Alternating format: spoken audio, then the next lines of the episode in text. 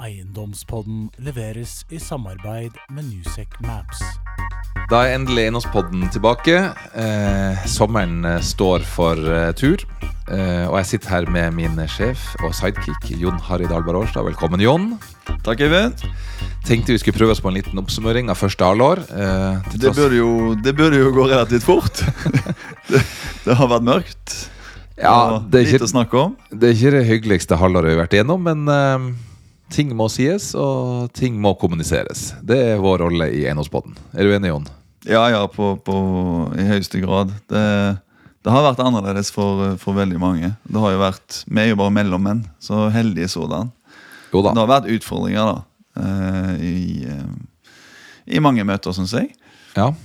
Eh, Jeg forstår jo at folk er fortvilt, og det er jo en situasjon vi ikke har vært i på veldig lenge. Den situasjonen vi står i nå, med kraftig stigende renter og, og fallende verdier og lav likviditet. Men jeg tenkte jeg skulle sette bakteppet for dagens pod eh, som vanlig. Vi kjører litt makro. Vi går gjennom finansiering, og så ser vi på de ulike segmentene og byene. Og med inflasjonen som har bitt seg fast, og renter som desperat jager etter, er ikke vilkårene det beste, som vi har vært inne på. Eh, Det har vært et stille første halvår. Eh, Vi har et transaksjonsvolum, hold deg fast, Jon, på 24 milliarder. Eh, Til sammenligning så hadde vi 66 milliarder første halvår i fjor. Så vi er altså ned 64% første halvår i år mot første halvår i fjor. Men eh, vi ser jo at noen segment er mer interessant enn andre, og det er mulig å, å få gjort eh, dealer og interessante kjøp. Og vi har da tatt ut Sett på de ulike segmentene. Og historisk så har det vært sånn at kontor har stått for ca. 50 og handel har stått for 15-20% Nå ser vi at kontoret er nede på 25 så kontoret er halvert eh, i forhold til hva vi har sett historisk.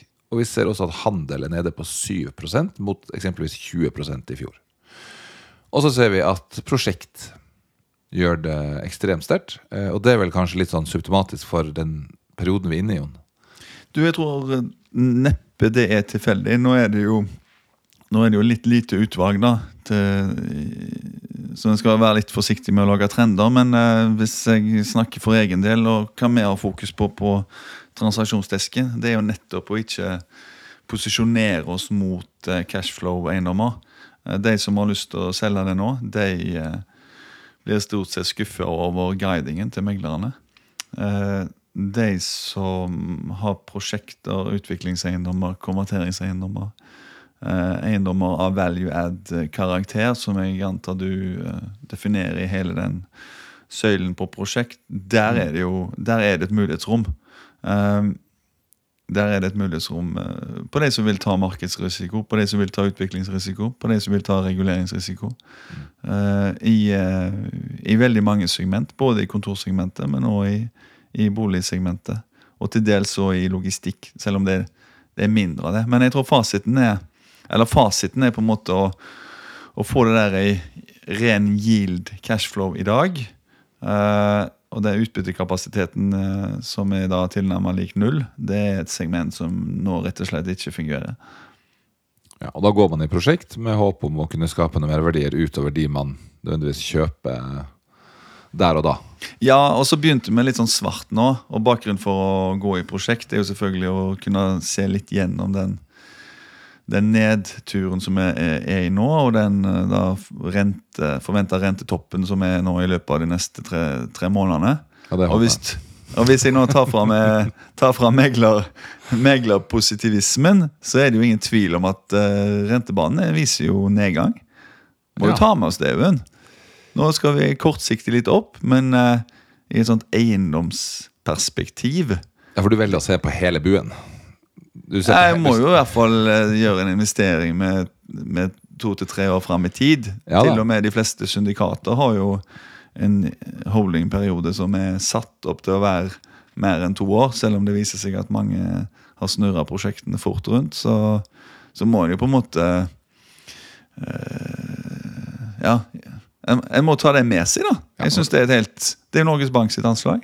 Ja, så Man skal ikke se seg blind på at de, de korte rentene er eh, litt høye om dagen. De, de kommer ned, og det Nei, det, det, det, det går opp og ned. Og nå signaliserer markedene at nå skal du kortsiktig opp, og så skal du eh, ned igjen.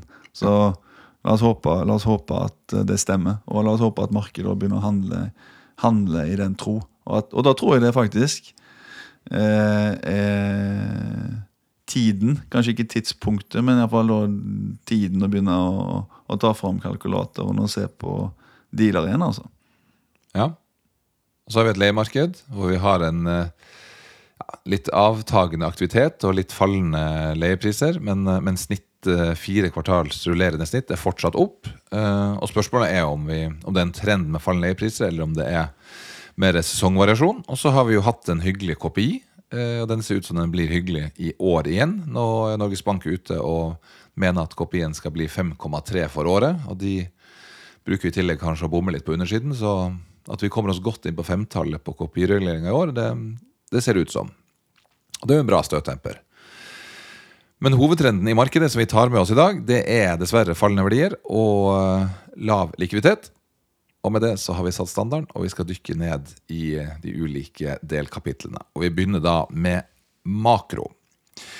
Eh, Og vi fikk oss jo en kalddusj, Jon, her eh, forrige En uke. dobbel, en dobbeldusj. En dobbeldypp der.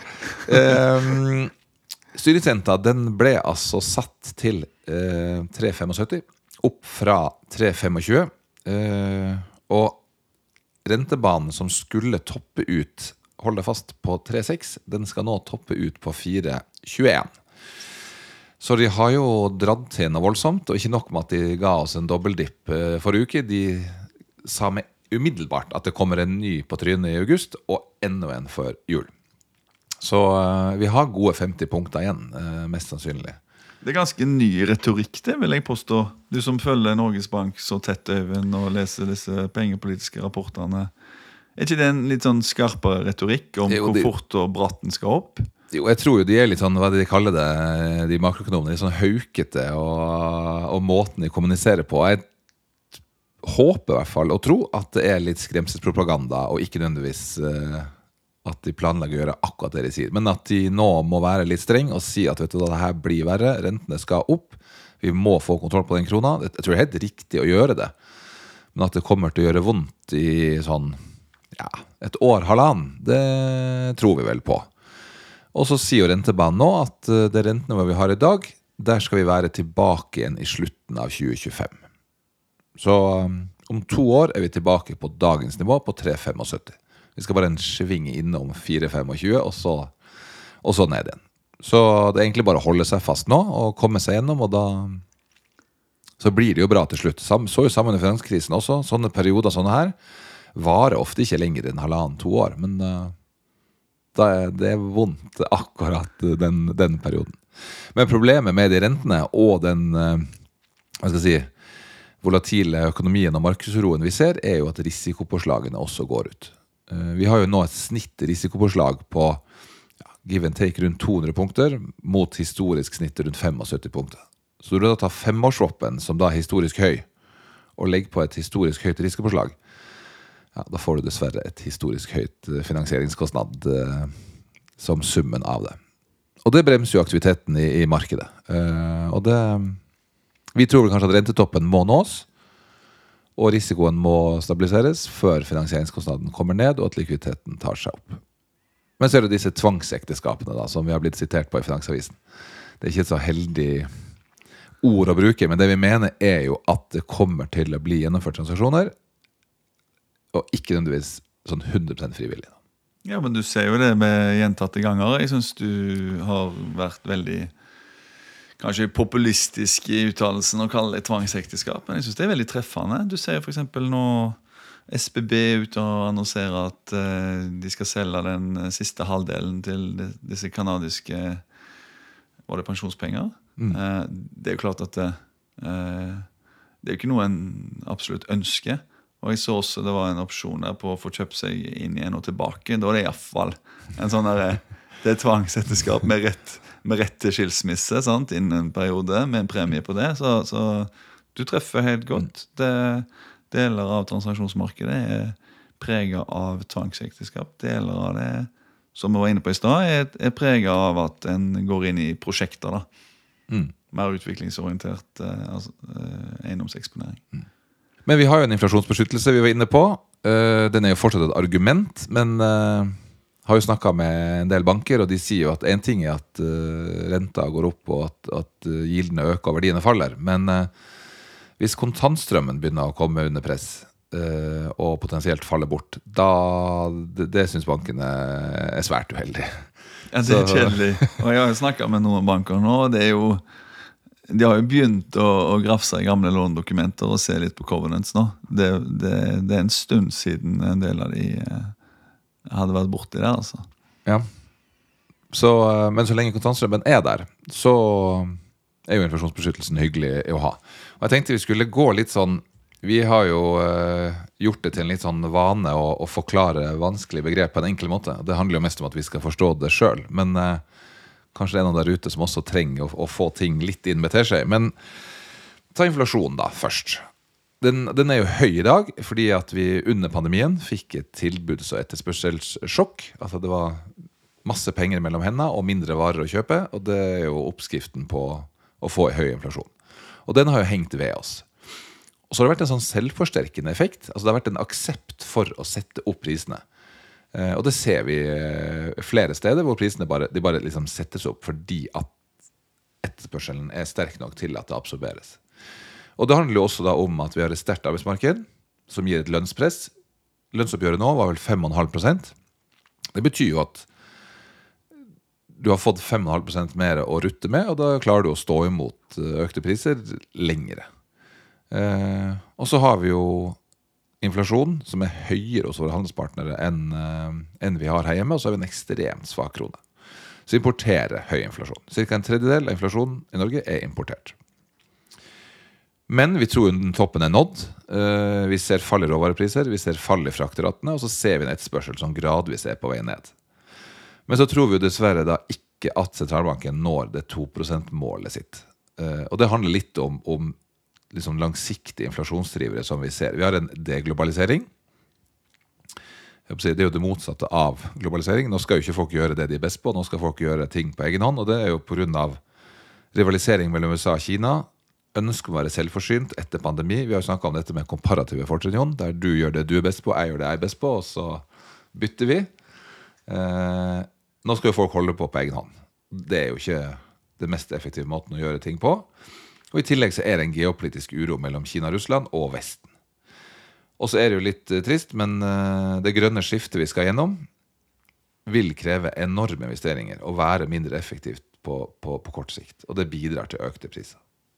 Så det er noen inflasjonsdrivere her som gjør at den inflasjonen der kommer ikke ned til 2% sånn akkurat over, over natten. Og hva gjør det med, med rentene? Den høye inflasjonen den eh, gir jo strammere pengepolitikk. Og da er jo hele poenget at eh, strammere pengepolitikk betyr høyere rente. Og det gjør vi for at du skal få lavere kjøpekraft, dempe etterspørsel og skal dempe inflasjon. Men inflasjonen har jo ikke kommet ned. Eh, vi har unngått resesjon, men inflasjonen har bitt seg fast. Det de kaller sticky inflation. Det er jo det at den da har bitt seg fast på et høyt nivå. Eh, og vi tror jo at rentene da blir høy lenger, nettopp fordi at inflasjonen ikke kommer ned. Og da er dette, den setninga som vi har begynt å bruke, Jon, 'higher for longer'. Det er sånn fancy Wow. setning. Ja, ja. Det Det er showbiz. Showbiz, ja. og så har vi et risikopåslag. Eh, og det er jo så enkelt som at økte gilder og økte renter har økt risikoen. Eh, det er større usikkerhet knyttet til kontantstrøm, og det er lav likviditet. Eh, og vi tror ikke at risikopåslaget kommer tilbake til normalen med det første. Vi, eh, da tror vi rett og slett på en, eh, det vi kaller en blowout, eller konsolidering, på ja, lavere nivåer. Altså rett og slett du får bare sånn, et, et verdiskifte umiddelbart over natta som gjør at alle gildene hopper opp 100 punkter. Da er det mindre risiko knytta til de verdiene. Men uh, det kommer til å gjøre vondt, og det kommer til å gi en haug med konkurser. Og vi håper og tror ikke det er det som, som kommer til å skje. Eventuelt så stabiliserer rentene seg, det gir mindre usikkerhet, og da et fall i, i risikopåslaget. Konkurser, Øyvind. Eh, nå skal jeg ta dette fra den teorien din og ned i, ned i det praktiske selskapslivet. Jeg var i selskap nå i helga, og Møtte en eh, svært erfaren, anerkjent konkursadvokat. Holdt på i 23 år. Ja. Kunne bare fortelle at det vi så nå, det hadde vi ikke sett før. Og så sier jeg Nei, Jeg ser jo når jeg går inn i nettbanken at det ser jo ikke lovende ut. Og nei, har du kjøpt noen møbler i det siste? Har du tenkt å kjøpe noen møbler i det siste? Har du tenkt å pusse opp nå? Uh, nei. Men uh, når kommer dette, da? Nei, det kommer når feriepengene skal utbetales. Siste frist 30. juni. Når da folk ikke har fått feriepengene sine fordi det ikke er noen penger av det. Da kommer statistikken til å få et uh, byks. Og dette er jo nå tre dager til, så vi får se da om, Om man, eh, eh, får rett. om man får rett.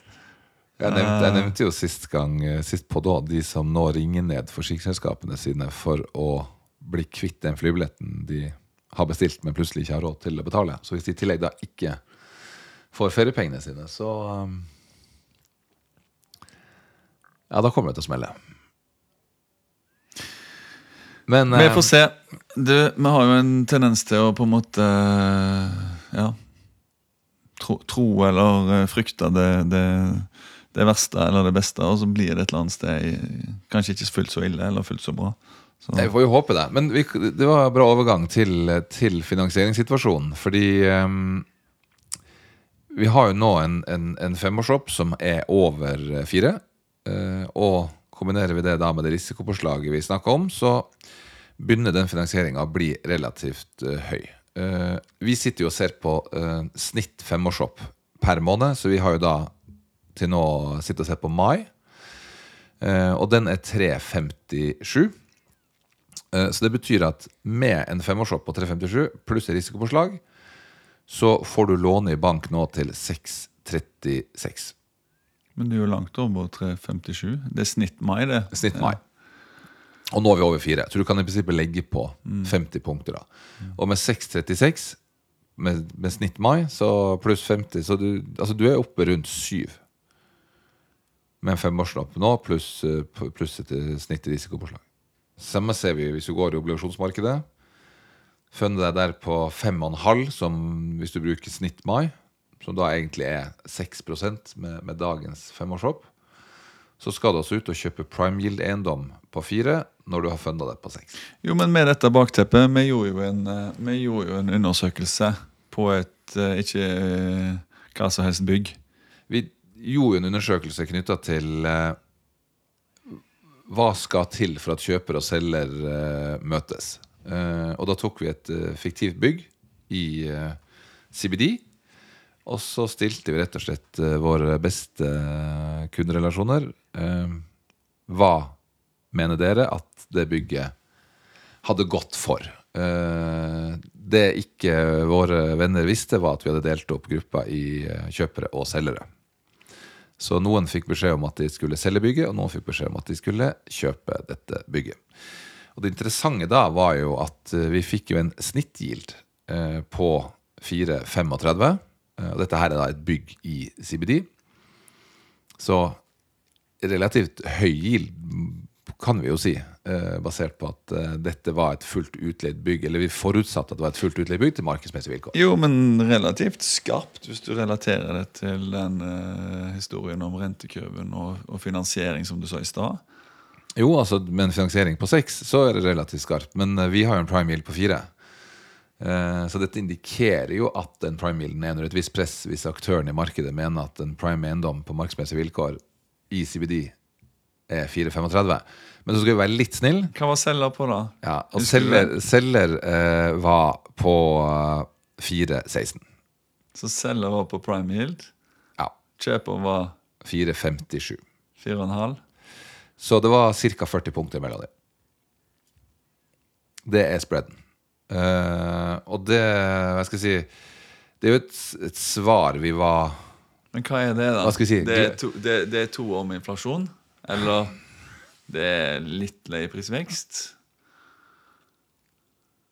Jo, men det er på så lavgildnivåer som det her, og så betydelige verdier, så er det ikke Det er i hvert fall ikke noe grunnlag for å sette seg ned og, og prate sånn umiddelbart om å møtes. Eh, Da står de for langt fra hverandre.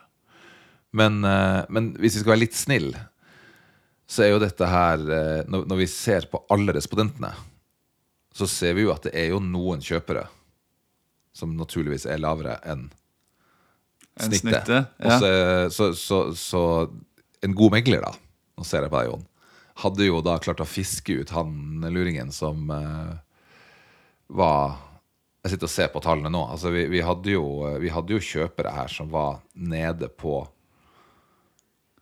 Ja, ned mot fire. Ja. Så hadde det vært Og riktig hva er, hva er Er ikke prime yield er den, eh, ikke den største idioten, men den, eh, den eh, mest offensive vil strekke seg til? Jo da, men dette her handler om å gjøre en snittbetraktning i forhold til hva er det 200 personer Ja. Men bildet er ikke så svart som vi tegner det, for det betyr at du hadde klart å fiske ut en og annen som gjorde at det her hadde gått igjennom. Men, Lag en, god- lag en god konkurranse der, og med litt, litt uh, krydder på Nei, jeg tror det hadde gått. Men dette her er jo på en måte hele essensen av markedet i dag. Det er jo at uh, At kjøpere og selgere står altså De står 50 punkter fra hverandre. Uh, og give and take på de verdiene vi snakker om her, så er det 150 millioner kroner. Og det er for langt. Uh, og så gjorde vi en øvelse der vi så på Ok, hvem er det som skal begynne å gå? Er det kjøperen eller er selgeren som må gå, begynne å gå i møte?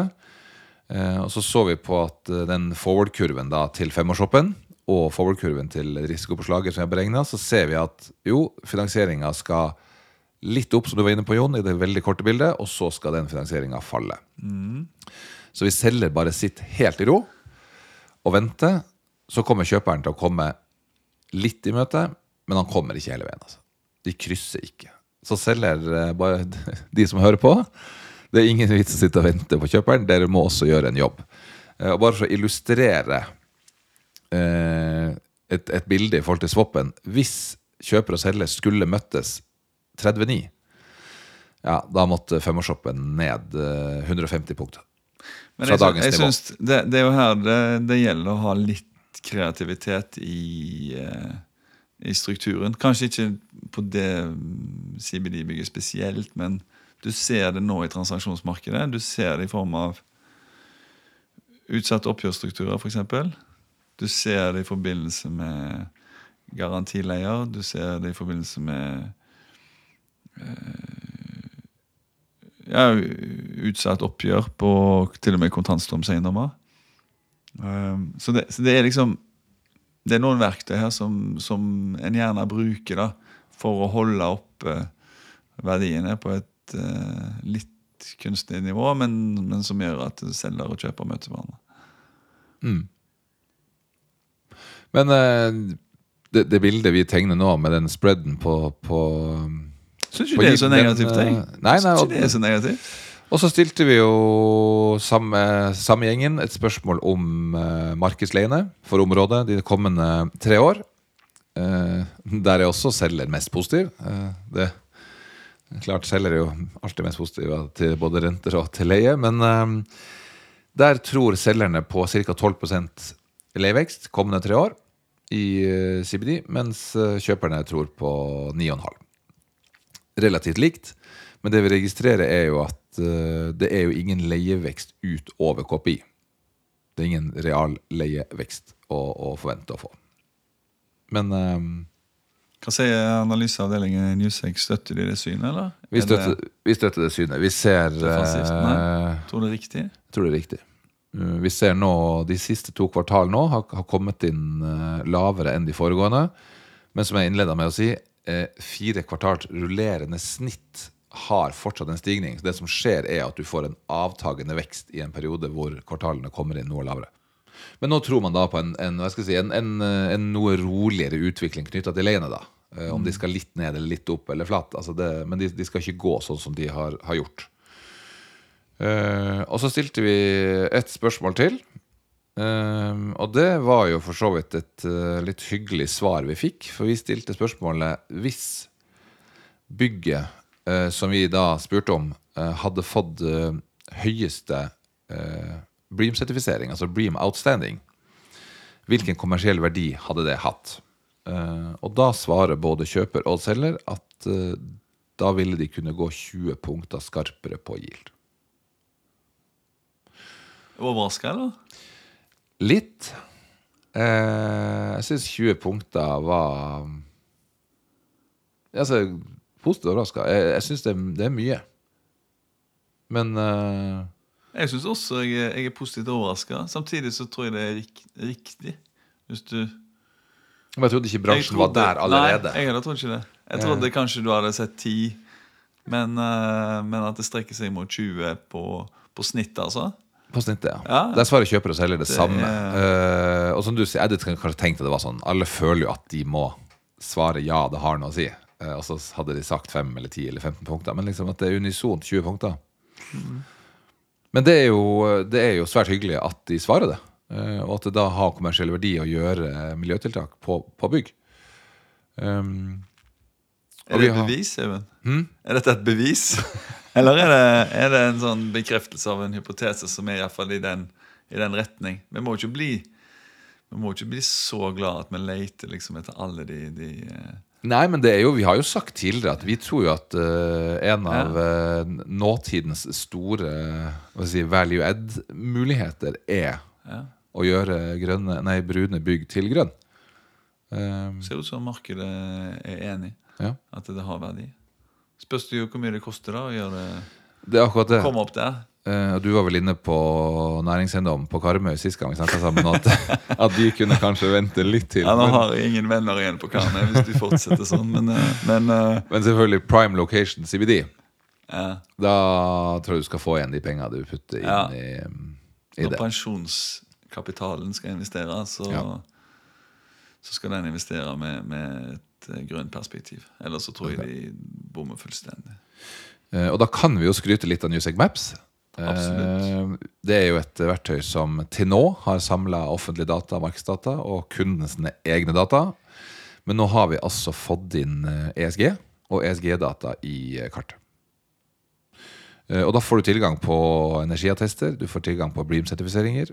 Du kan gjøre klimasensitivitetsanalyser i henhold til taksonomiens miljømål. Om det er stormflo, havnivå, jord- og flomskred, flomsoner, kvikkleire ja. You name it. Eh, og grunnen til at, at dette er viktig, og, det er jo det at taksonomien stiller ganske strenge krav til å kunne definere et bygg som grønt. Eh, og det er jo ingen som kommer unna. Altså, vi har snakket om det. Altså, skal du føre opp et bygg, så må du hensyn til taksonomien. Skal du renovere, så må du gjøre det. Skal du installere og reparere, så må du gjøre det. Men som vi har sagt til våre kunder, eh, eierskap av bygg stiller også visse krav. Eh, og da ene er jo at eh, bygningen må ha energiklasse A, eller være innenfor de 15 mest energieffektive eh, bygg for sin type og klimasone. Og for å finne ut det, da må du hente ut alle energiattester i hele Norge. Du må identifisere ditt primære energiforbruk, og du må sammenligne alle bygg i din kategori og klimasone. Og det Det er ganske omfattende er jobb. en ganske omfattende jobb. Eh, og hva gjør vi da? Jo, vi gjør den jobben på vegne av kunden.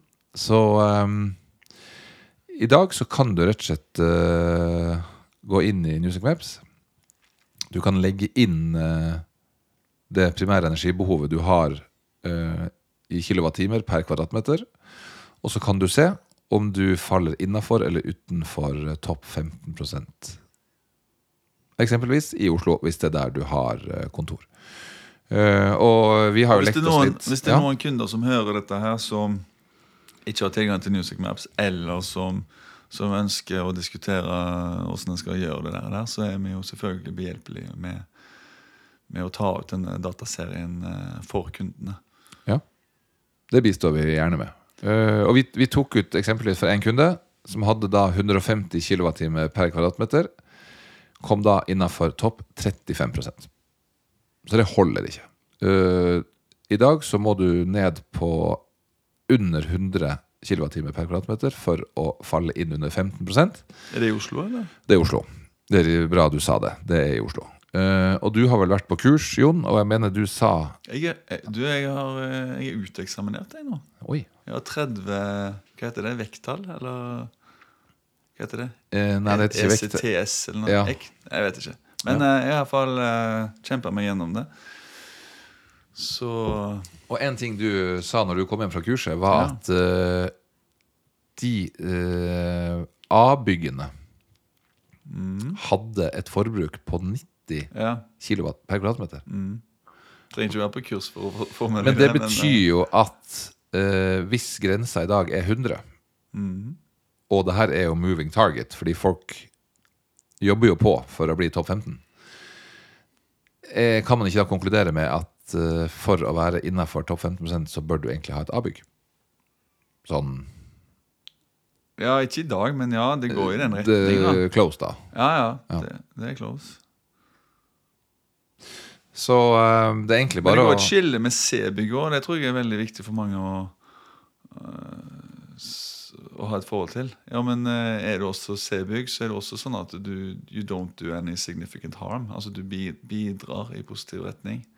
Så Ja. selv om du ikke er innenfor topp 15 og selv om du ikke er et A-bygg, så er det et vesentlig poeng å komme seg opp i, i C-bygg med tanke på energieffektivitet. ja. Ja.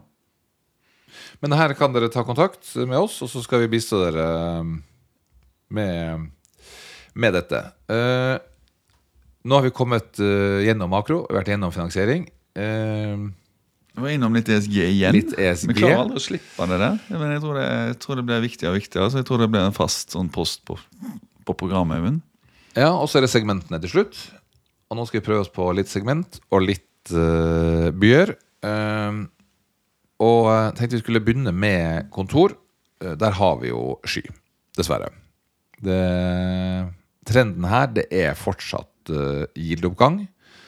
Eh, med det presset vi ser nå opp på, på, på rentene. Transaksjonsmarkedet, der er det et uh, vakuum. Uh, vi ser at litt sånne prosjekter og livhavereiendommer og ekstremt core beliggenhet eh, er fortsatt omsettelig. Så vi var inne på, leiveksten er tatt ut, forventer flat trend neste året. Og Er vi i Oslo nå, eller? nå er vi i Oslo. Uh, og så er det økt fokus på grønne bygg. Det tror vi blir uh, verdivinneren uh, fremover. Toppleia 6002. Toppleia 6002. Prime Yield 4, og vi har en ledighet på 5,5. Uh, trenger ikke å gå sånn i detalj, men vi ser jo nå som vi er inne på, CBD ledighet på 3,5. Det er ned 90 punkter fra, fra Q1, så CBD har fortsatt uh, meget lav ledighet. Og det er også noe som nører opp under da, den, den toppleia som, som får fortsatt å. Vi skal avslutte Oslo nå før vi skal videre til de andre byene. Så som vi var inne på, eh, vi tror jo at en, en dempa økonomisk aktivitet gir en noe lavere absorpsjon. Eh, og så kommer det jo noen eh, større prosjekter, sånn som eksempelvis Aker Tech House, Fornebu og Valle Vision, henholdsvis 2023 og 2024. Og så kommer det jo i 2025 eh, første byggetrinn i regjeringskvartalet. Så det er en del ting som skal absorberes, det tror ikke vi eh, kommer til å skje. Så en eh, litt stigende ledighet og litt avtagende leiepriser i Oslo. Bergen så har vi jo en ledighet på ca. 7,4. Den er litt eh, opp. Eh, vi tror egentlig på en stabil ledighet eh, ut året før den skal opp i 2024. Det kommer eksempelvis 70 000 kvadratmeter nytt kontorareal i 2023. Blant annet gjennom Kronstad X og renovering av Nygårdsgaten 5. Og i 2024 så ferdigstilles det 40 000 eh, kvadrat. Så um, Det er voldsomt i Bergen, altså. ja, det er mye i Bergen. Og så er det noe som eh, skal tas ut. Altså Vi har jo den der Tårnplassen 2, som huser domstolsadministrasjonen. Eh, så Ja. Siste åra har jeg observert en, en eh, ja, ganske bra leieprisvekst i Bergen. Den har vært størst i næringskorridoren.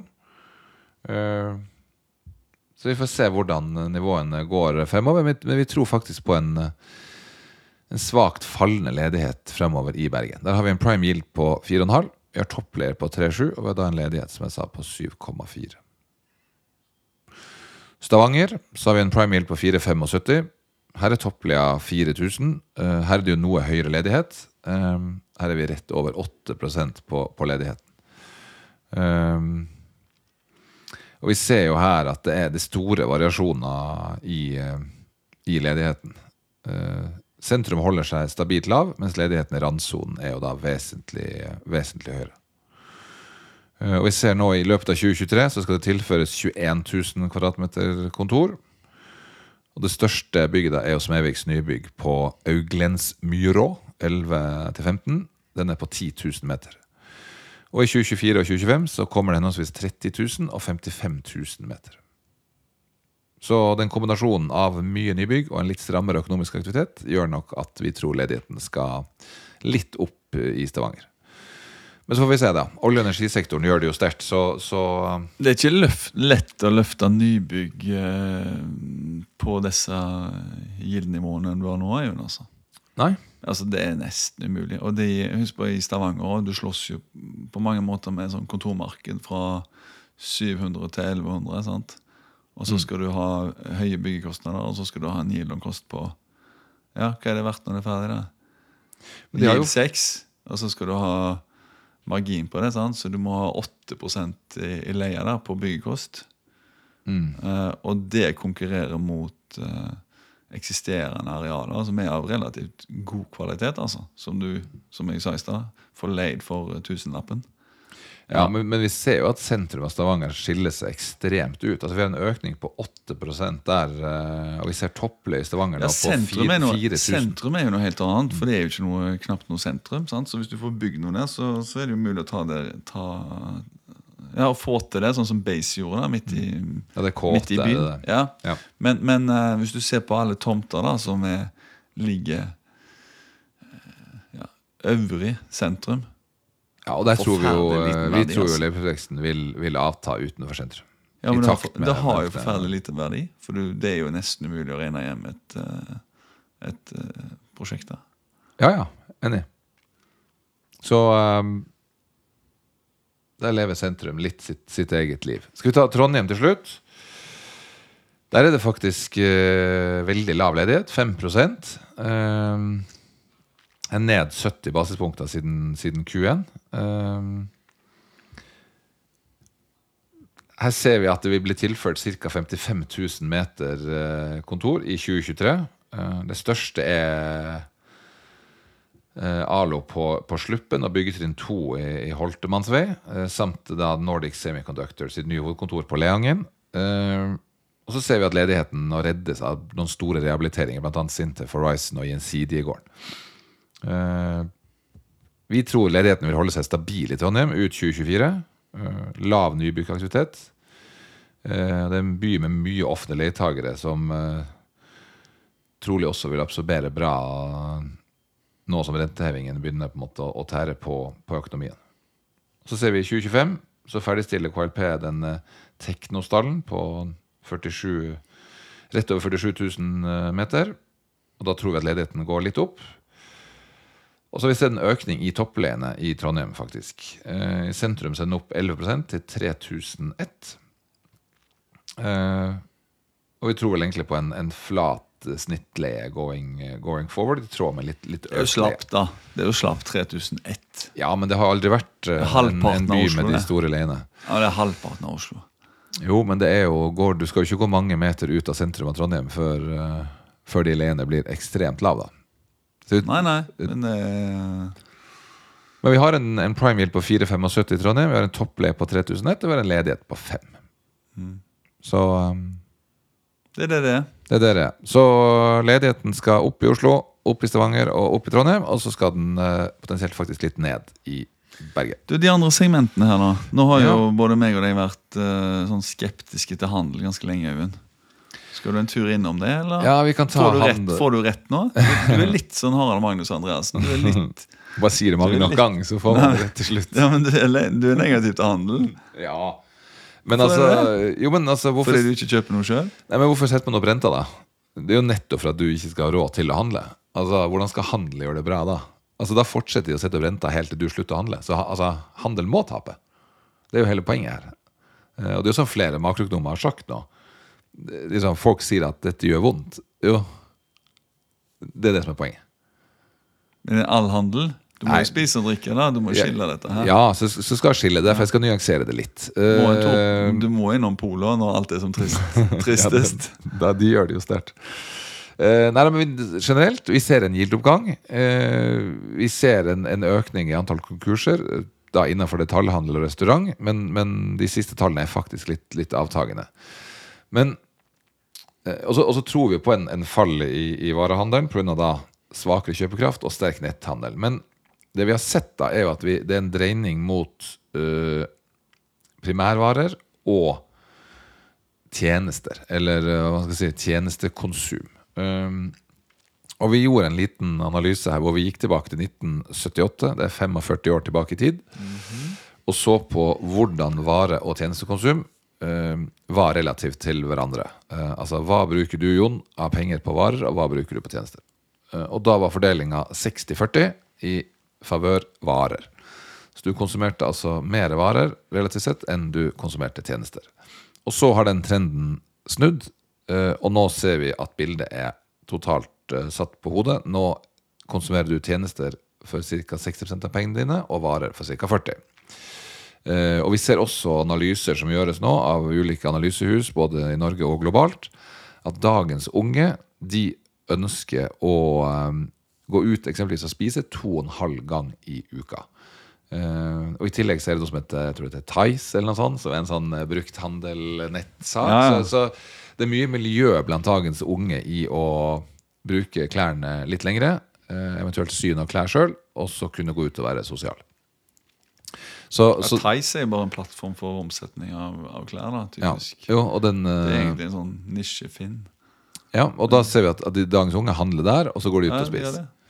Eh, Så ser vi bare på veksten da um, siste, siste året, så er altså veksten i varekonsum er 4,5% mens veksten i tjenestekonsum er 11 Så det er dobbelt så høy veksttakt på tjeneste som det er på, på vare.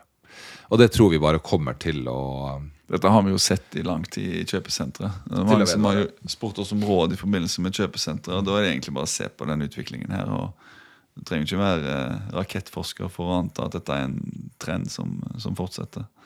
Nei, Og så Da er det jo å gjøre om sentrene, da. Ja. Istedenfor å slåss mot denne trenden. Ja. Så det her må man bare gå i møte og sørge for at man har tilrettelagt for. Eh, For det kommer til å komme sterkere og sterkere. Har vi logistikk. Så har vi sky og litt sol. Også her fortsatt gildoppgang.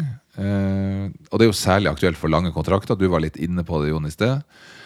Dette med sånne rene finansielle produkter, der du har kjøpt en boks med, med lang kontrakt som skulle gi deg en gitt avkastning.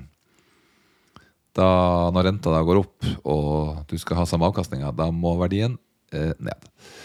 Eh, så de har jo blitt eh, Og i tillegg så har jo leiene på logistikk gått ekstremt. Så mange av disse lange kontraktene ble jo inngått på 1200-1300 kroner meteren. Og nå har vi toppleier på faktisk 1900 kroner meteren. Så um, Det der er jo litt sånn last mile-segment. Det er last mile. Er det? Men det å kunne nå gå eh, heller i korte kontrakter og få, få opp den leia, og så eventuelt kjøre den lang, er jo et mye hyggeligere regnestykke enn å sitte lang Men det i, er et i lav skifte leie. der òg. En ting er når eh, For det vi snakker om, er når, når eh, renten går opp, så går eh, avkastningskravet opp. Men eh, en annen effekt er jo, som jeg dro i Stavanger i stad, når renten går opp, så går også leieprisene opp. Altså det, jeg har sagt på en annen måte, det er veldig vanskelig å løfte nybygg. Mm. Så i tillegg, sånn som du har på med høye materialkostnader eller høye innsatsfaktorer på bygging, så får du to effekter. Det ene er at byggekostnadene går opp. Implisitt du må ha høyere leie på det. Og i tillegg så går gilden opp. Og det betyr også at du må ha kompensert med en høyere, høyere cost. Mm. Som igjen gjør at de logistikkbygg, og, og egentlig alle bygg da, som står der, at de relativt sett holder seg sterkere i verdi. Og, og, og det er vanskeligere å komme i markedet Mm. med, med, med store lagerbygg til, som er bygd billig, eh, og som har lav leie. Fordi ja, du trenger egentlig bare 5 yield on for å skape verdi når du selger logistikkbygget på fire, eksempel. Mm. Ja, helt enig. Det er en bra analyse. Ah, Ja. Takk for det. Um, Og det vi ser, som du var inne på, dette med, med, med last mile eh, Vi som konsumenter har jo blitt eh, mer kravstor etter hvert som vi har begynt å handle mer på nett. Og en litt morsom eh, ting vi fant eh, Vi satt og så på eh, e-handel og detaljhandelen fra 2007 og fram til i dag. Og så så vi på PMI-indeksen for leveringstiden i samme periode. Og det vi så, var jo at under pandemien så handla vi ekstremt mye mer på nett. Så, andelen som handla på nett, gikk kraftig opp. Men samtidig så satt jo skipene fast i Suezkanalen. Eh, Så det gjorde jo at eh, når du Jon, handla mer varer enn noen gang, så fikk du jo levert mindre varer hjemme enn noen gang. Eh, Og hva skjedde da? Jo, folk begynte å kjøpe større lager og etablere større lager for å være mindre utsatt for denne leveranseproblematikken. Og så har jo leveringstiden kommet ned igjen. Man har jo fått kontroll på disse Hva heter det? Eh, leveringskjedene. Mm. Men vi har jo fortsatt å handle på nett som før. Eh, Og hva skjer da? Jo, eh, da ser vi at eh, de store lagrene da potensielt blitt eh, litt for stor i forhold til at leveringstiden har kommet ned. Du trenger ikke å ha så mye varer på lager til enhver tid, fordi at eh, turnoveren er høyere. Og da ser vi at ledigheten på type Gardermoen og på Kløfta og Vestby og Moss er mellom 10 til 15 eh, Mens når vi da går inn mot Berger og Ski, så er vi på 2,5 på Berger, vi er på 4% på Ski. Og går du inn til Lier og Alna, så er du nede på, på 1% Så jo nærmere du kommer byen, jo mer last mile eh, si, du er, jo større er trykket. Og de last mile locations location som er nært byen, de kan jo nesten sammenlignes med kontor, for det er så lite tomter å, å ta av at, eh, at det gir et ekstremt press på, på pris. Så det er en, eh, en, en finding som også gir mening, men det, det er gøy å se at teori og praksis faktisk eh, noen gang eh, henger sammen. Ja, det er en logikk der. Eh, Så har vi hotell. Der er du positiv. Ja, der, der er vi positive. Uh, Revpar er rekordhøy. Uh, vi har jo en enorm uh, hadde en enorm prisøkning. Eh, og vi ser et fortsatt et oppsidepotensial i, i belegget. eh, og den tror vi kommer nå. Som jeg var inne på på makroen. Svak kronekurs. Og vi har lav inflasjon i forhold til andre land. Det gir økt turisme fra utlandet. Og i tillegg så har ikke vi nordmenn råd til å dra noen plass. Vi har svak krone, og kaffen der ute har i tillegg blitt dyrere pga. inflasjon. Så hvis man da ser på prisene pre-covid og fram til i dag Altså prisene er opp 43% pre-covid. Belegget er ca. på nivå pre-covid, litt under. Men det betyr at revparet er opp 30% Er du mest positiv til et turisthotell, da, eller? Ja, vi tenker jo at du må ha hotell som eh, er attraktiv. eh, Positiv til. Bergen? Bergen er jo veldig fin. Eh, Da får du jo både nasjonalturisme, og du får da Hurtigruta som går derfra, så du får også internasjonal turisme. Så Bergen eh, er jo eh, midt i blinken. Haugesund? Haugesund, litt mer usikker. Kristiansand har jo gjort det sterkt. Tromsø, da? Ja, Tromsø kommer til å gå som en kule. Der har du et belegg Der har du tre hoteller. Så. jo, jo, belegget er jo 90 da. Eh, Men det vi, det vi ser, er jo at hvis du har et hotell som legger til rette for både norsk og internasjonal turisme, så, så, er du vinneren. Eh, Og vi gjorde en liten eh, Jeg vet det er litt nerd å gjøre det, men vi gjorde en regresjonsanalyse. Og vi så på sammenhengen mellom internasjonale gjestedøgn og kronekurs. Og den korrelasjonen er jo én til én. Ergo, jo svakere krone, jo flere utlendinger kommer. Eh, og I tillegg så så vi da på inflasjonen, og vi ser jo da at i fjor så hadde Norge en inflasjon på 5,8% mens snittet for OECD var 9,5 uh, Så Norge er faktisk det landet Det blir sjette, det, det sjette laveste inflasjonen i OECD-landet. Så det betyr jo at uh, da kan utlendingene komme hit og få i pose og sekk. Og det tror vi kommer til å skje en masse eh, nå gjennom sommeren og, eh, og høsten. Så um, Øyvind, hvis du skal heve blikket litt og oppsummere første halvår, hva vil du hva vil du trekke fram? Renteoppgang? higher for longer, Higher for longer. fikk jeg sagt det. Uh, Hva hvis du skal si uh, hva som kommer til å skje i neste halvår? Nei, neste halvår så eh, hadde jeg gjort ulike grep, avhengig av hvilket segmenter jeg, var i. Eh, men Rentene de kommer som sagt være høyere. Eh, Her må man rett og slett bare få kontroll på egen portefølje. Se om man må lette litt på balansen. Få unna noe gjeld. Vi ser jo flere aktører som er ute og sier at eh, det Nå skal blir noen, eh, nå skal gjelda vekk. Og da blir det noe salg, det blir likviditet, og transaksjonsmarkedet kommer til å ta seg opp i løpet av høsten. Så der tror jeg vi får helt rett i det vi sa. Og det blir gøy at markedet begynner å fungere til en viss grad igjen. Ja, Så du har litt tro på at vi er tilbake nå fra høsten av? Jeg tror markedet kommer til å ta seg betydelig opp fra høsten av. Men ikke nødvendigvis så veldig lystbetont. Men uh, det blir en, en form for likviditet. Uh, er du en kontor, kontoraktør, særlig i de største byene, så hadde jeg gjort kontoret grønt. Jeg hadde tatt kontakt med Newsec eller andre aktører som jobber innenfor miljø og bærekraft og ESG i et kommersielt perspektiv, og sett hva kan man gjøre. Eh, på handelseiendom, som jeg var inne på, Sørg for at du tilbyr tjenester. eh, og imøtekommer da den megatrenden som er blant dagens unge. De skal ut og spise og være sosial og bruke penger på Selv om de ikke har råd? Ja. selv om de ikke har råd. Eh, logistikk. Last mile. Da er du i hvert fall vinneren innen eh, logistikk. Og på hotell så bør det være førstevalg, både for norske og internasjonale gjester. Så lett på gjelda og gjør ulike grep avhengig av hvilket segment du er eksponert i, så Transaksjonsmarkedet, går det her bra. når du summerer opp eh, året, transaksjonsvolumet Ja, som jeg sa, vi har jo eh, 24 hittil, Ja, ja. vi har 24 hittil. Eh, Så det er jo lett å si 48, eh, men det blir jo høyere enn som så. Eh, Vi har jo drista oss til å si 80. Eh, For hver dag som går, så syns jeg jo det er vondere og vondere å si det tallet. Men eh, si at uh, 24 første Nei da. eh, seks- Mellom 60 og 80, da. 60. ok.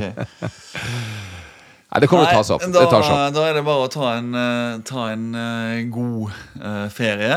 Nullstille tror jeg er viktigere enn noen gang da Komme tilbake med et eh, optimistisk syn. Ta på seg piggskoene igjen og, Krumme nakken. og stå i det. stå i det. Eh, og så vet vi jo, det har vi snakka om, Jon, at uh, det blir bra igjen. Det er jo det folk må skjønne, og, og det vet alle òg. Altså, sånne her kriser varer ikke uh, uendelig, og, og det var vel en som gikk ut og sa i avisen at målet til Norges Bank er jo ikke å hogge huet av noen. Man må bare inn og korrigere litt, og få folk til å slappe av litt, og så kan vi gi gass igjen. Så det her kommer til å gå bra. Det her kommer til å gå bra, og det, er Øyvind. snart ser vi lys i enden av tunnelen. Så med det så takker vi for eh, følget. Ønsker alle våre lyttere en kanon eh, sommer. Eh, Vi er tilbake over sommeren, forhåpentligvis med litt bedre tall og, og lystigere lesning. Men inntil da så er markedet sånn som det er. Takk for praten, Jon. Takk, Eivind. God sommer. Likeså.